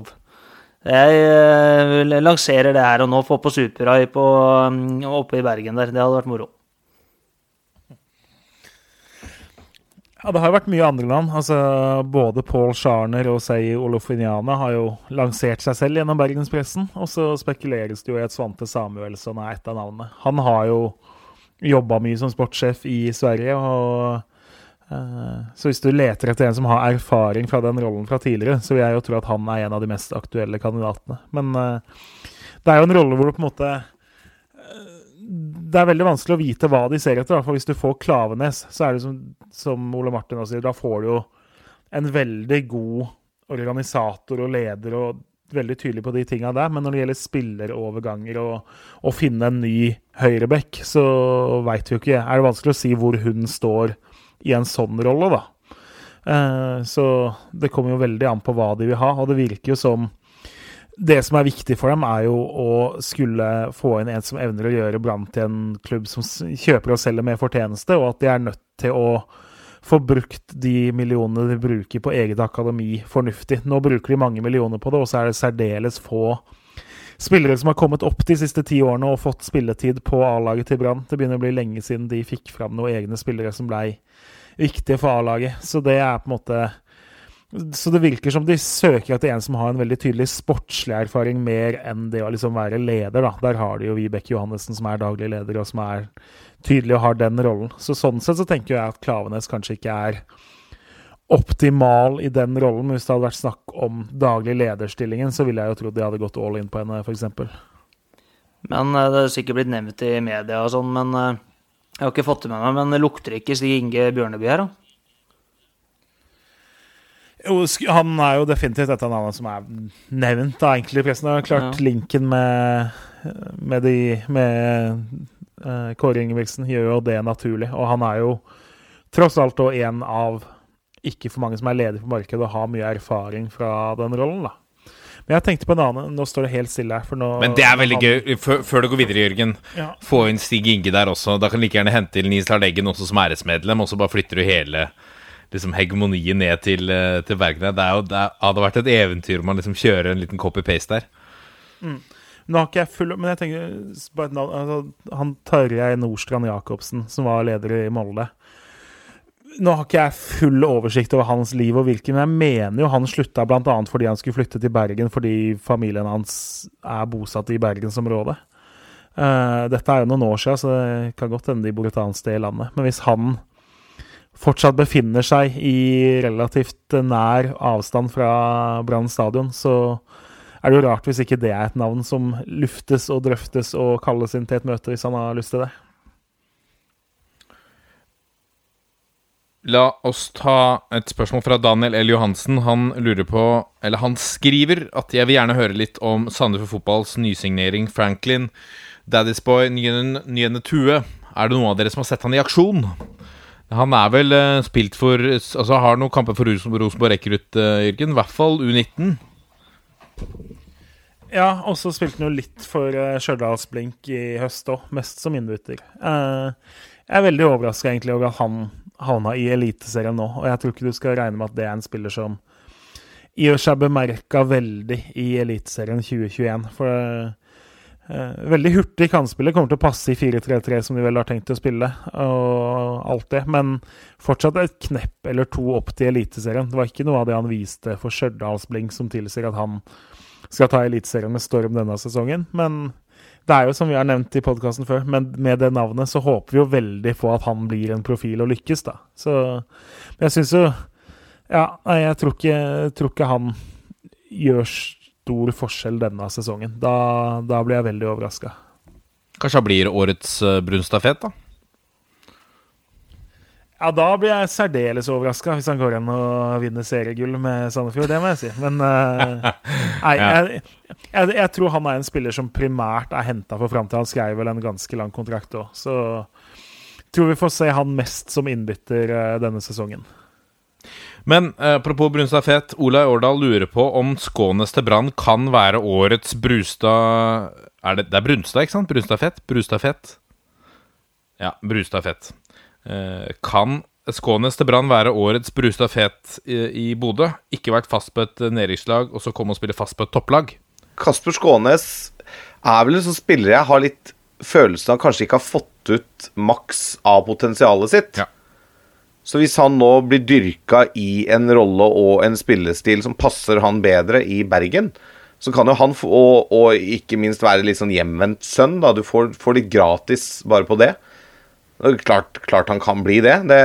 det. hadde jo vært gledelig det for bergensfotballen om, om eh, Skånes kom hjem igjen og blei den store helten. Ja. Så la oss runde av med Nordlink86, som vil at vi skal snakke om Bodø-Glimt og Spanatur. Det er jo eh, diskutert litt eh, opp og ned i mente overalt. Men eh, det jeg opplever litt, er at eh, klubbene er veldig varsomme i kritikken. Så de har, eh, de har, vært ute og sagt at de konstaterer at det er det som er gjort, og så eh, sier de bare at vi kommer ikke til å gjøre det samme. Og det er det. Det er veldig lite kritiske røster. Det er nesten så det så, så, så, så, det kan virke som at det er gjort en eller annen avtale på bakrommet her om at uh, Ok, Bodø-Glimt skal ut og spille i Champions League. De trenger en bra oppkjøring. Eh, for da får vi flere Uefa-poeng til norsk fotball, og bla, bla, bla. Lasse, hvor, uh, hvor uh, forkastelig moralsk syns du at det var uh, at Bodø-Glimt tok turen til Spania og sneik seg utenom alle andre regler som de andre klubbene må forholde seg til? Nei, jeg, sy syns jo det er Det tendenserer til å være litt usmakelig, syns jeg, da, selv om de reiser ned med eget charterfly og skal leve i sin egen lille boble der nede. Eh, for det, det, handler litt om den der dugnaden vi alle snakker om. Eh, og så begynner folk å snakke om Ja, men Molde er jo ute og reiser, og hva med de som går VM i Oberstdorf og kjører VM i alpint, og alle de. Men altså, de utøver jo idretten sin. Altså, de er jo i sesong. De er i konkurransesesong. Det er Molde også. Her er det snakk om en treningsleir i utlandet for å legge til rette for at de skal være best mulig rusta til en ny sesong. Og da får de sannsynligvis fordeler kontra sine kollegaer hjemme, som blir hjemme i Norge. De får spille treningskamper mot litt lavere spansk motstand, men allikevel de får spille treningskamper som ikke er internkamper. Eh, og de, de, setter seg selv litt over den dugnaden, syns jeg. Altså, jeg syns det er litt sånn usmakelig og er en liten Hva var det de sa? Lakk i ripa.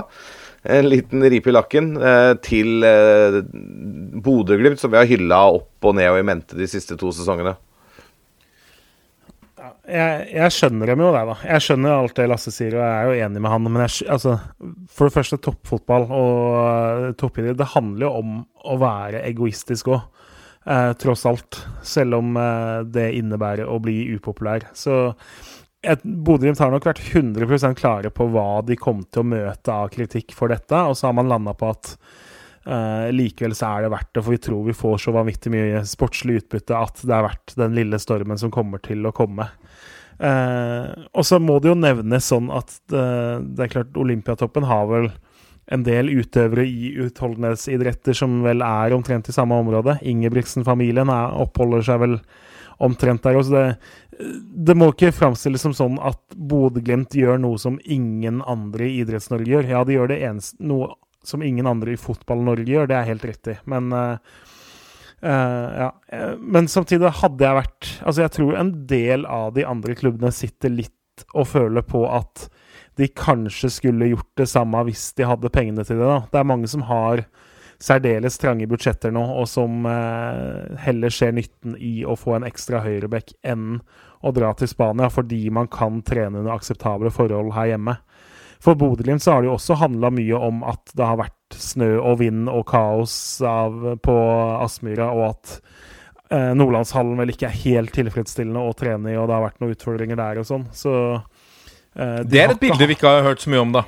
Ja, så ikke sant, for dem hadde det vært, eh, hadde vært snøfritt og åtte plussgrader i Bodø, så tror jeg ikke de hadde landa på det samme. Det er jo en del av vurderinga deres, i hvert fall. da. Uh, men Og så er det jo sånn, altså, som de sier, det opplegget deres er jo tross alt Det virker jo relativt vant Et eneste de skal møte som ikke er i bobla, er jo de andre fotballagene de skal spille mot. Og uh, det, hadde jeg vært en av de andre klubbene, så er jo det på en måte det jeg hadde vært mest ikke forbanna, men kanskje litt misunnelig på. da, At Bodø faktisk flyr rundt og spiller fotballkamper som eh, som er heva over internkamper nå. Og det er potensielt en måned til seriestart. Å få spille fire kamper da mens alle andre lag må eh, spille internkamper, det har definitivt en verdi eh, i seg selv. Så så nei, jeg, jeg, både skjønner kritikeren, men jeg, jeg skjønner på en måte Bodø-Glimt òg, selv, uh, selv om mange ikke vil like det de har gjort. Ole Martin, ville du, hvis du var Bodø-Glimt-trener, eh, det var dårlige treningsforhold på Aspmyra og i Nordlandshallen, og du skulle spille i Champions League, eh, du skal inn i en sesong hvor du skal ruste et lag mot Champions League, ville du gjort det samme?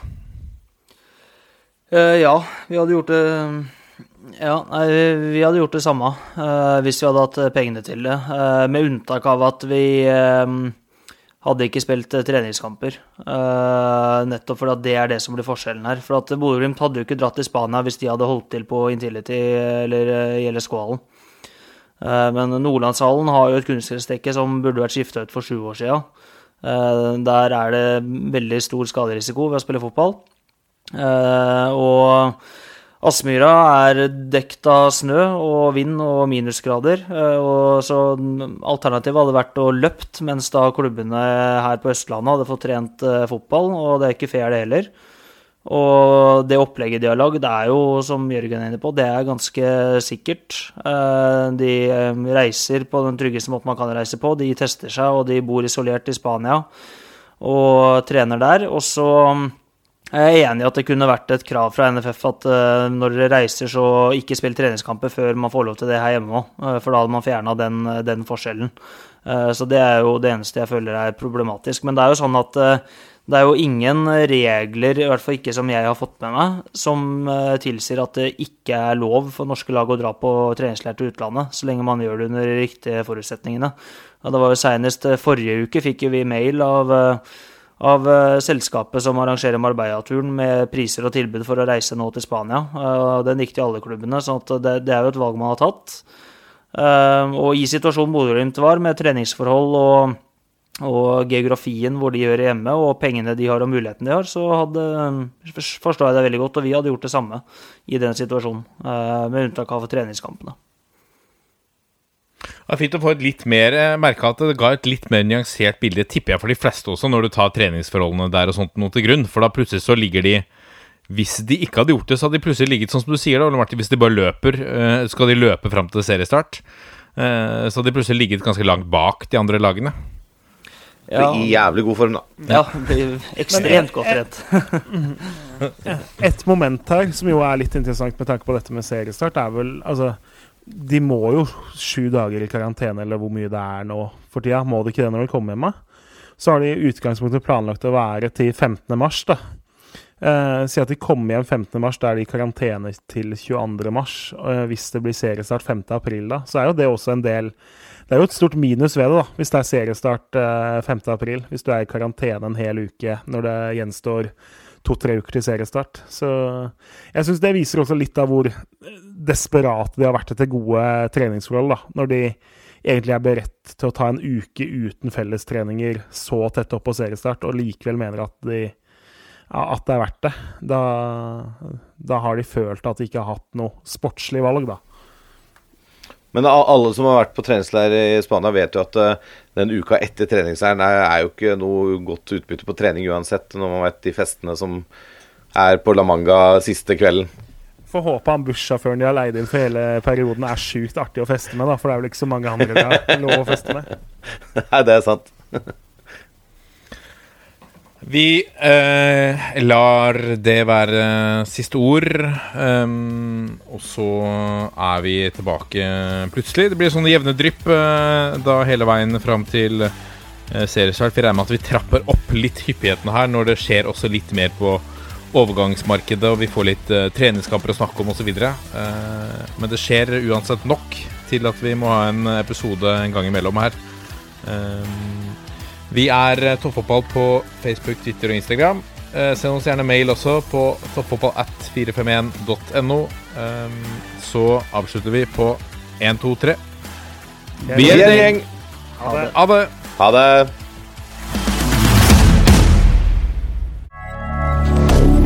Moderne media.